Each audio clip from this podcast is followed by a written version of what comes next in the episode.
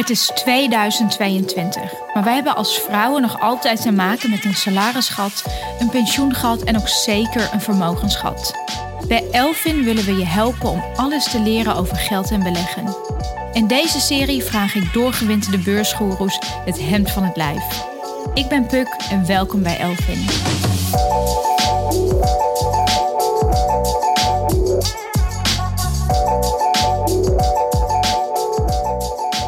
Vandaag wederom een aflevering met Freddy van Stowik. En we gaan het hebben over eigenlijk de duistere kant op dit moment van beleggen.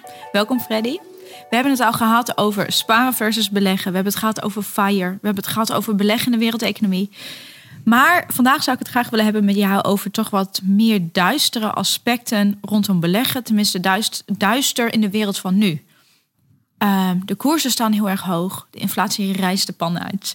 Ehm, er is een oorlog. Misschien nadert er wel een recessie. Het is best wel spannend om nu te gaan beleggen als je nog moet gaan beginnen. Ehm, is het zo? Uh, nou ja, we zitten inderdaad in een spannende tijd. Mhm. Maar ja, helaas, de geschiedenis herhaalt zich. Mhm. We hebben gelukkig uh, genoeg stof uh, om op terug te kijken. We hebben de afgelopen 150 jaar meer duistere periodes gehad. Eerste Wereldoorlog, Ja. Grote Depressie, Mhm. Tweede Wereldoorlog. Nou, als je nou gaat kijken naar die afgelopen 100 jaar. Stel, hè, en, en nogmaals beleggen, hè, ik probeer het weer te zeggen.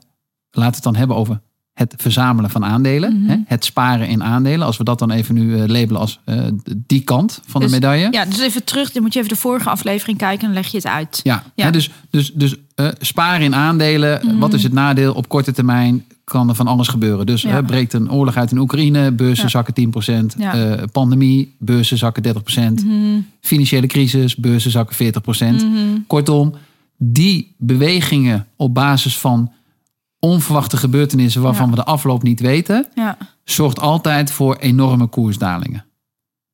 Wij zeggen dan, is dat, hoe vervelend ook, Mhm. relevant? Want als je spaart voor lange termijn, Mhm. doet de koers van morgen er niet toe. Want als het morgen min 30% is, ga je niet verkopen, Mhm. want je hebt het pas over 10, 15, 20 jaar nodig. Mhm. En als het morgen 30% in de plus staat, ga je ook niet verkopen, want je hebt het over 10, 20, 30 jaar nodig. Kortom, die dalingen en die stijgingen leiden tot emoties, waardoor je misschien rot of blij voelt, terwijl het er eigenlijk niet toe doet. Nou, en als je dan gaat kijken naar van, ja, maar moet ik dan nu instappen of niet? Mhm. Als je kijkt naar de afgelopen 100 jaar, dan zie je dat stel wat iemand was in die wereldwijde economie ingestapt op het verkeerde moment, achteraf, het hoogste punt. Nou, eh, 1929, Mhm. 1999. Mhm. Hoe lang duurt het voor die persoon Mhm. om in ieder geval weer terug te komen op zijn of haar inlegniveau? Mhm. Want dat is wat we in de eer- eerdere eh, aflevering hadden besproken. Het voorkomen van verlies Mhm. is doel 1. Ja. In 1929 duurde het 13 jaar Mhm. voordat diegene weer terug was op zijn inlegniveau. Het saillante detail daarbij was, omdat er een Tweede oorlog, Wereldoorlog was uitgebroken, werd alles om ons heen goedkoper. Dus ondanks dat die persoon nul rendement had gerealiseerd, was die qua koopkracht toch 20% welvarender geworden. Mhm. Want huizen waren bijvoorbeeld wel gedaald. Mhm. Kortom, hè, daarom is het ook weer zo belangrijk om te kijken naar relatieve waarde in plaats van absolute waarde. Ja. Wat kan ik 13 jaar later met mijn geld doen? Nou, Ja. die persoon kon meer doen met zijn geld dan 13 jaar daarvoor, Ja. terwijl die nul rendement had gemaakt. Al belangrijk om dat hè, eh, te melden. In 1999, stel je op het hoogste punt in de internetbubbel was Mhm. ingestapt en je was in maart 2009 uitgestapt op het dieptepunt, vrij ongelukkige hè, in- en Mhm. uitstapmomenten, stond je weer op 0% rendement. Nou, dat zijn twee extreem lange periodes waar je moest wachten. Mhm. Als je die twee getallen nou eens meeneemt als een soort veiligheidsmarge, dan kunnen we denk ik concluderen dat geld wat je nou ja, langer dan 10, 13 jaar niet nodig hebt, en laten we zeggen, this time it's different, Ja. 15, 20 jaar, dat in ieder geval in het verleden iemand die 20 jaar aandelen had gespaard, nooit in de min was geëindigd, mits die alle aandelen kocht. Hè, Ja. Want dat is wel weer de nuance die je bij moet brengen. Ja, ja. Ja, er zijn bedrijven die zijn eh, 20 jaar later failliet gegaan. Dan ben je geld alsnog kwijt. Daarom Mhm. is spreiding zo belangrijk. Ja. Dus zolang je je maar richt op de lange termijn, doen korte termijn gebeurtenissen doen er niet toe. Ja. Zegt dat wat over het rendement? Ja. Een veelgehoorde vraag altijd is op hoogtepunten: ja, maar kan ik niet beter even wachten? Mhm. Ja, je kan beter wachten als achteraf blijkt dat het daarna gedaald is Ja. en je vervolgens bent ingestapt. Ja. Maar wat realiseer je daarbij? Ja. Best even lastig dit. Jouw absolute rendement naar de toekomst toe neemt toe als jij op een lager moment koopt. Mhm. Dat is een feit. Mhm. De vraag is, in relatieve termen, Mhm. ben je er zoveel beter van geworden? Ja. En het antwoord is vaak nee. En daar komt denk ik een heel belangrijk punt, ook zeg maar van de duistere kanten. Mhm. Hè? Stel nou dat die economische groei zich niet meer voordoet. En stel nu dat we bijvoorbeeld in een situatie ontstaan waarbij, waarbij beurzen eerst 30% dalen, maar vervolgens nooit meer herstellen. Ja. Hè? Ja. Stel, Ja. de vraag is, als ik vandaag een huis kan kopen, hier in Utrecht, Mhm. voor 400.000 euro. En blijkbaar gaat het zo slecht met de economie, hè, want dat laten dan de aandelenkoersen zien, Mhm. dat 20 jaar lang hè, er helemaal geen groei meer is, bedrijven eh, geen winst meer maken, waardoor koersen dus niet herstellen, Mhm. dan heeft dat natuurlijk een effect op de werkgelegenheid. Ja. En heeft dat dan op lange termijn ook geen effect op de woningprijs? Ja. Nou ja, dus, dus het de vraag stellen is het antwoord uit. geven. Ja. Ja. misschien dat die, dat, dat, dat, dat, dat die woning van 400.000 euro dan over 20 jaar ook misschien wel 20, 30 procent gedaald is. Mhm. Kortom, door te sparen in aandelen Mhm. kan het zo zijn dat je in absolute getallen denkt: hé, hey, mijn kapitaal is gedaald. Mhm. Maar als dat op lange termijn gebeurt en alles om je heen op lange termijn ook daalt, ben je qua koopkracht niet naar beneden gegaan. Ja. En dat is een hele belangrijke, Mhm. want wat, wat zie je dus? Als je je richt op het slechtste scenario, is de kans nog steeds groot dat je met aandelen qua koopkracht er helemaal niet zoveel op achteruit bent gegaan. Maar stel dat je niet spaart in aandelen, dan heb je 9 van de 10 keer dus enorme risico dat Mhm. datgene wat je wil kopen, wat wel is gestegen, je niet meer kunt kopen. Mhm. Ja, dat is een inflatieding. Ja, Ja, de- daar heb ik ook een vraag over. Want ik kan me voorstellen dat, dat met alle gebeurtenissen nu... En inderdaad, je zegt, nou, stel dat de groei stopt. We hebben een daling van 30%. Het balanceert zich wellicht uit. Ook in, in, in de prijzen, bijvoorbeeld in huizen. Maar is inflatie. Volgens mij zag ik gisteren een bericht dat de inflatie ze verwachten... dat het naar 9% gaat zelfs dit jaar. Enerzijds kan ik begrijpen dat je zegt... Nou, maar juist dan moet je dus in aandelen beleggen... Maar aan de andere kant kan ik me ook voorstellen dat mensen huiverig zijn, omdat inderdaad de maandelijkse gasrekening gaat naar 400 euro. ja, Dus liever op de spaarrekening houden dat geld. ja. Nou ja kijk, eh, dat? twee dingen. Hè. Ik bedoel, eh, ik moet altijd een beetje gniffelen om eh, verwachtingen. Mhm. Hè, want het is inderdaad, hè, meestal staat er nog ineens in de krant verwachting, maar staat er gewoon heel stellig met dikke letters: inflatie gaat naar 9%. Ja. Maar je moet inderdaad eigenlijk een hele lange headline maken. Ja, die past vaak niet in de krant. Mhm. Hè? Wij van puntje, puntje verwachten dat dat en dat gaat gebeuren. Mhm. Maar stel dat wij van puntje, puntje het niet goed zien, kan het ook zijn dat het dat en dat wordt. Mhm. Hè? En dan komen we weer terug op de kapotte klok. Weet je wel? Ja, allerlei dingen roepen. Wordt vaak door de consument als stelligheid eh, eh, gezien. Ja, Maar dat hoeft niet zo te zijn. Maar het is sowieso natuurlijk de bedoeling dat voordat jij gaat sparen in aandelen, lange termijn geld, Mhm. ik kan dit geld tien jaar missen, Mhm. moet je van tevoren natuurlijk rekening houden met het feit van, hé, maar wacht eens even, wat heb ik dus de eerstkomende tien jaar nodig? Ja. En als je dat doet, ja, dan zou het dus kunnen zijn dat jij in principe al genoeg geld opzij hebt gezet om ook die stroomrekeningstijging nu Ja. te kunnen handelen. Ja. Nou, in het allerergste geval, en dat is een worst case scenario, Mhm. zit jij nu in aandelen, blijkt door allerlei prijsstijgingen dat je momenteel meer geld nodig hebt dan je hebt. Nou, wat is dan weer het voordeel van aandelen, hoe pijnlijk ook? Je kan er altijd bij. Mhm. En dat is wel een interessante voor alle mensen die nu helemaal gek zijn gemaakt door influencers over vastgoed. Mhm. Als jij in aandelen zit Mhm. en onverhoopt moet je erbij. En je wil met verlies erbij, Mhm. snel, kan dat. Dat is ook precies de reden waarom aandelen altijd dalen in paniekmarkten. Het Mensen is verkopen. Het is een teken van liquiditeit. Ja. Je kan erbij. Ja. Het verwarrende is, dat schrikt vaak mensen af. Van, oh, kijk eens hoe het daalt. Hè? En mijn woning is niet gedaald. Mhm. Ja, heel simpel. toen de pandemie uitbrak en je was bijvoorbeeld de gelukkige eigenaar van een winkelcentrum, Mhm. je kon helemaal niet verkopen. Nee. Er was geen prijs, er was geen markt. Nee. Maar je kon je aandelen Amazon, kon je gewoon met 30% in de min Ja. dumpen. Ja. Kortom, in het ergste geval moet je een klein beetje van je aandelen verkopen. Mhm. Maar dan heb je in ieder geval nog steeds liquiditeit. Ja. Dat is niet het gewenste scenario. Daarom wil je ook van tevoren goed plannen hoeveel geld heb ik binnen 10 jaar Ja. nodig en langer dan 10 Ja. jaar. Maar je hebt liquiditeit. En dat is ook heel belangrijk met aandelen. Mhm. Daar kan je altijd bij. En met vastgoed kan je er meestal bij in tijden van euforie. Ja. En in tijden van depressie, ja, dan wacht je maar weer. Ja, ja precies. En ehm, dan even terugkomend op die inflatie. Want wat, wat gebeurt er nou op het moment... Want jij zegt van, in de vorige aflevering zei je 5% rendement. Ja. Laten we daarvan uitgaan. Stel je voor dat de inflatie daadwerkelijk 9% is. Ja. Nee, kijk, je hebt natuurlijk twee soorten inflatie. eh, inflatie. Je, hebt, je, hebt, je hebt de asset-inflatie. Ja. Hè, dus eh, eh, waardevolle spullen worden steeds meer waard. Ja. Hè, en je hebt inflatie die nu bijvoorbeeld komt omdat bijvoorbeeld eh, vraag en aanbod even uit de pas Ja. lopen. Hè? Ja, nou, dat soort inflatie is vaak wel inflatie wat op een gegeven moment weer weg hebt. Hè? Je hebt nu gewoon ja, door, door de oorlog dat, dat, dat, dat de gas- en olietoevoer Ja. stokt. Ja. Nou, dan heeft de markt weer eh, maanden, misschien een paar jaar nodig om dat weer in evenwicht te brengen. Ja. Dus ja, je krijgt natuurlijk altijd een mismatch tussen ja, jaarlijks rendement op aandelen en tussentijdse inflatieschokken. Hè? Het is Mhm. Ja. dus niet zo dat je kan zeggen: ik maak elk jaar 5% rendement op aandelen. Oh Mhm. ja, in dit jaar is de inflatie 9%, dus ik doe het maar niet. Mhm. Wat veel belangrijker is, is zeg maar de inflatie van waardevolle spullen.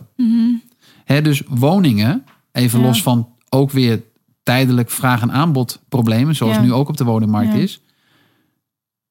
Ik hou het altijd simpel met Monopoly. Ik heb vijf hotels op een Mhm. Monopoliebord. En de bank heeft vijf briefjes van 100 Mhm. op het spelbord gelegd. Dan kan het niet anders zijn dat de groep hotels als geheel 500 euro waard zijn. Mhm. Stel nu dat de bank 500 euro extra op het bord plaatst. Dan opeens is die groep hotels niet meer 500 euro waard, maar 1000. Mhm. Nou, hartstikke leuk voor degene die het hotel heeft. Hè? En ik laat even in het midden welk hotel meer waard of minder. Mhm. Maar de groep is opeens 1000 waard. Ja. Dat is eigenlijk wat er nu ook de afgelopen decennia is gebeurd met vastgoed, met Ja. bedrijven. Ja. Hè? Er is steeds meer geld in omloop gekomen. Ja. Hè? Om, om, om zeg maar, nou ja, dan gaan we heel Mhm. ver, maar om bepaalde mismatch tussen bezittingen en schulden ja, op, een, op, een, op een geleidelijke manier op te lossen. Ja. Maar als dat geld zijn weg niet vindt Mhm. in de echte economie, Mhm. omdat er niet genoeg investeringsmogelijkheden zijn, Ja. gaat dat geld, en dan komen we weer, tijdelijk worden omgezet in spaarproducten, Ja.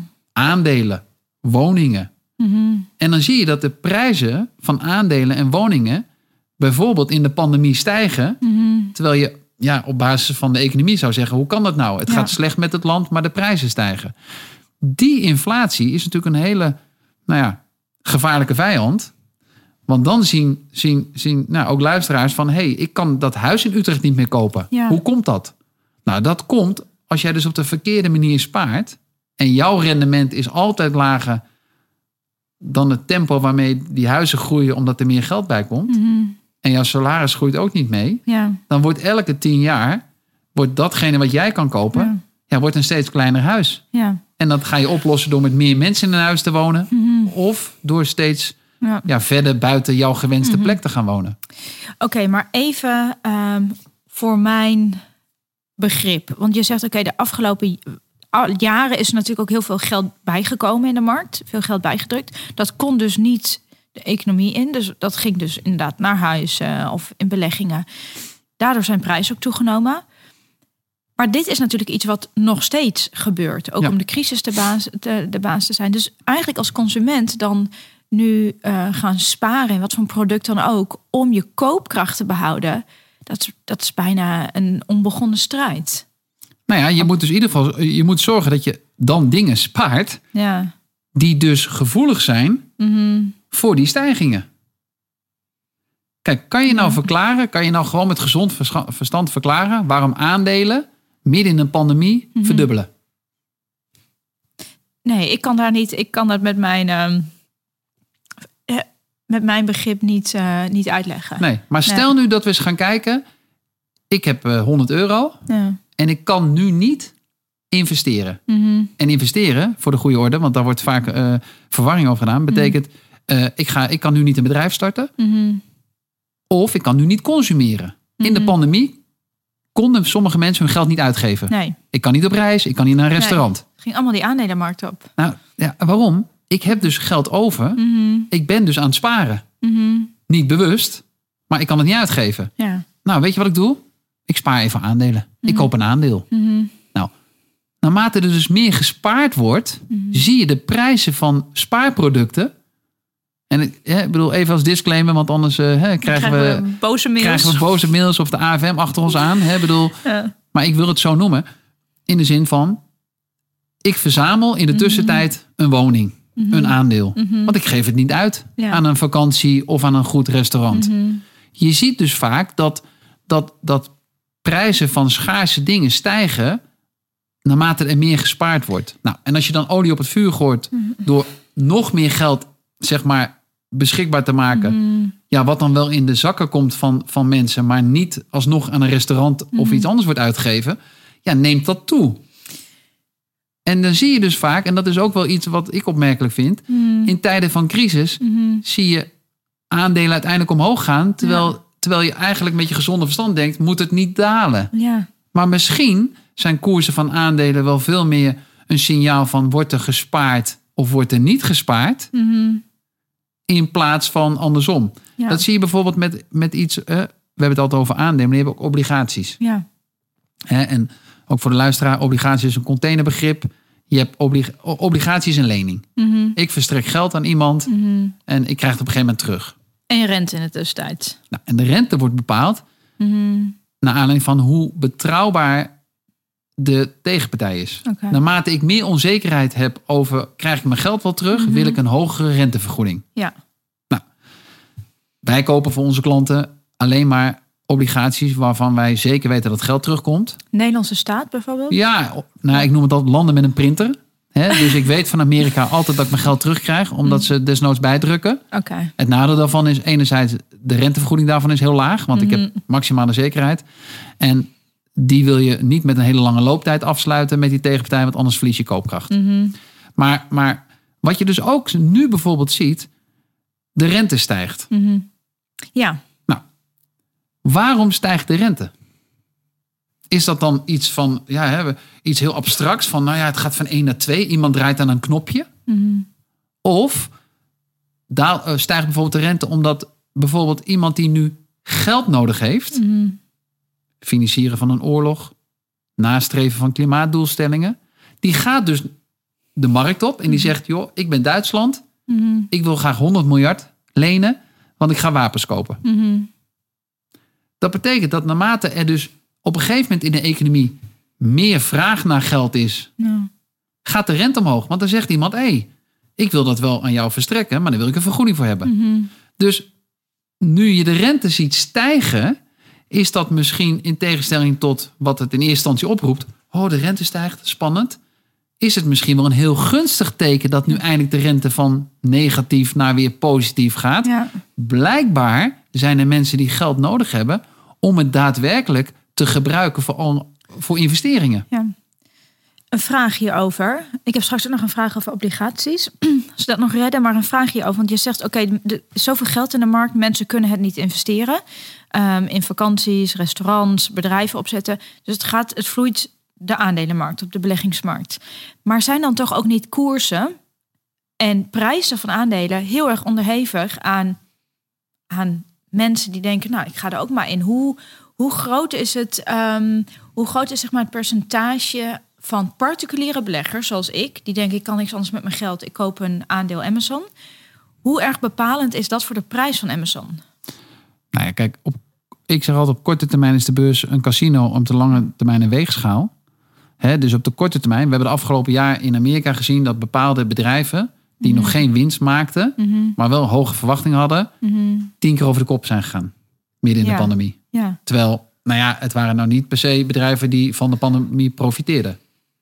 En zodra de pandemie leek te eindigen. En mensen dus opeens dachten, misschien kan ik straks op vakantie. Zag je heel toevallig al die bedrijven weer exact terugzakken naar het niveau van voor de pandemie. Ja. Kortom, ik persoonlijk denk dat heel veel van die korte termijn stijgingen en vervolgens dalingen gewoon, gewoon ja, eh, eh, er kwamen casino-spelers op het spel.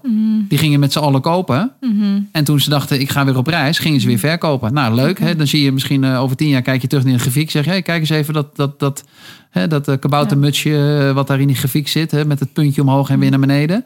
Nou, dat was eventjes eh, verveling van een aantal mensen. Ja. Dat is de korte termijn trend. De lange termijn trend wordt naar mijn mening heel erg bepaald door spaargedrag. Hè, dus we hebben bijvoorbeeld ook in 2008 in de financiële crisis gezien. Ja. hè, op het moment dat bepaalde groepen mensen richting pensioen gaan, Mhm. vergrijzing, en geld nodig gaan hebben, Mhm. geld moeten gaan onttrekken. Mhm. Dus opeens hun aandelen verkopen omdat ze nou ja, hè, uitgaves gaan Mhm. doen. Ja, zag je dat koersen gingen dalen. Ja. Hè? En nou ja, op dat moment, als dat te snel gebeurt, ja, dan proberen centrale banken hè, die liquiditeitsverschillen. De Ja. een wil snel verkopen, en de ander wil eigenlijk Ja. helemaal nog niet eruit. Ja. Probeert dat door geld, hè, creatie, Ja. probeert dat een beetje te dempen. Ja, en is het ook niet zo, want de rente is inderdaad verhoogd. Dus hij is iets aan het verhogen. Maar dat is toch ook een goed teken. Want als je rente nul is en je inflatie gaat door het dak, dan krijg je toch stagnatie. Ja, Dat is toch niet zo heel gunstig? nee, nou kijk, kijk nogmaals. kijk, Ik, ik heb economie gestudeerd, maar ik, ik blijf het altijd een beetje verwarrend vinden met inflatie. Want ja, waar hebben we het dan over? Hè, ik bedoel, eh, kijk, tussen, als je de wereld in maart 2020 eh, Mhm. tot stilstand brengt. Ja, en de hele toeleveringsketens van Ja. fabrieken en dingen valt stil. en anderhalf jaar later druk je op de startknop, ja. krijg je hele gekke dingen. Mhm. Dus dat, dat containerprijzen tien keer zo duur zijn geworden, waardoor de kleding duurder wordt. Ja, dat vind ik allemaal inflatie waarvan ik nu persoonlijk nog niet kan beoordelen. En dat hoef ik gelukkig ook niet. Ik hoef niet te voorspellen of dat een, een, een, een, een duurzame eh, trend is. Ja. Nou, dan komt er een oorlog overheen, dus dan krijg je ook nog in de energieprijzen krijg je de gekke spikes. ja, Ik denk niet dat je daar nou per se op moet acteren. Hè? Want dat is misschien een tijdelijk fenomeen. ja, Hè? Eh, ik denk dat je als centrale bank reageer, eh, reageer je vooral op, op, op, op trends die zich lange termijn voortzetten. ja. Hè? En het zou dus wel kunnen zijn dat als de economie straks weer tot wasdom komt en mensen weer gaan investeren. Mhm. Ja, dat je, dat je overal ziet dat de prijzen wat toenemen. En dat Ja. probeer je natuurlijk wat tegen te doen. Ik denk dat er bijvoorbeeld ook, nou, we hebben het over fire gehad en over werken. Ik denk dat, dat, dat er ook heel veel is gebeurd bij mensen over, over hun baan. Hè? Ja. En over wat ze nog wel en niet willen. Hè? Ja. Je ziet bepaalde, bepaalde sectoren. Kunnen niet meer zo makkelijk aan personeel komen. Omdat mensen opeens zich realiseren na twee jaar in een andere sector te hebben gewerkt. Ja, Ja, ik wil daar niet terug. Of als ik terug wil, wil, wil ik dat je me meer gaat betalen. ja, Hè, dus dat zijn allemaal dingen dat ik denk van die hebben een rol. Aan de andere kant, als we het hebben over inflatie. Ik heb toevallig eh, eh, vorig jaar mijn huis verkocht en dan Mhm. ga je opruimen. Mhm. Als ik zie wat mijn telefoonrekening 15 jaar geleden was en wat die nu is. En? Hè, nou ja, eh, mobiel eh, eh, een sms'je sturen kostte eh, 50 cent. Mhm. En nu is het gratis. Ja, Dat is deflatie. ja, Hè? En tv gaat, gaat langer mee en is goedkoper Ja. geworden. Er zijn natuurlijk ook heel veel dingen in de economie die eigenlijk steeds langer meegaan. Ik denk ook als we het hebben over duurzaamheid. ja, Je hoeft een auto tegenwoordig niet meer naar jaar in te ruilen. ja, Dus je kan 20 jaar met een auto doen. In principe is dat, is dat deflatoir in plaats van inflatoir. ja. Maar is dat ook niet innovatie? Ja, tuurlijk, maar door inflatie. Ja. Dus, dus, dus er zijn heel veel dingen waardoor ik Ja. niet per se denk dat, dat we nou een, Ja. ja, een, een, een, een, een stijgende prijs eh, krijgen die permanent is. Hè. Dit is weer een schok. Ja. Nou, die zal zich weer eh, herstellen. Mhm. Maar laat je daardoor niet afleiden om verstandig te blijven sparen voor later. Ja. Ik heb eigenlijk nog vragen over obligaties. Je stipte duurzaam beleggen aan, maar dat gaan we niet meer redden. Misschien een volgende keer. Dank je wel. Dus eigenlijk zeg je, zo duister is het niet. Houd je hoofd koel. Nee, Lange het- termijn. nou ja, nogmaals, eh, we weten niet wat de economie gaat doen. Mhm. Maar zodra- zolang jij maar spaart in Mhm. dingen die daaraan gekoppeld zijn, Ja. ga je zowel naar beneden als naar boven mee. ja, Maar blijf je qua koopkracht wellicht hetzelfde. hetzelfde. En nogmaals, dat is niet om. Hè, dus Ja. voor mensen die graag rijk willen worden, ja, die zullen Ja. misschien met een duistere bril op zitten. Ja. Voor mensen die heel verstandig hun, hun, hun spaargeld Mhm. willen beschermen tegen alle scenario's die je Ja. kunnen voordoen, Ja, ja, hoeven die niet in paniek te raken. oké. Dat is een goed bericht om mee naar huis te gaan. Dankjewel. Dankjewel voor het kijken en tot de volgende keer.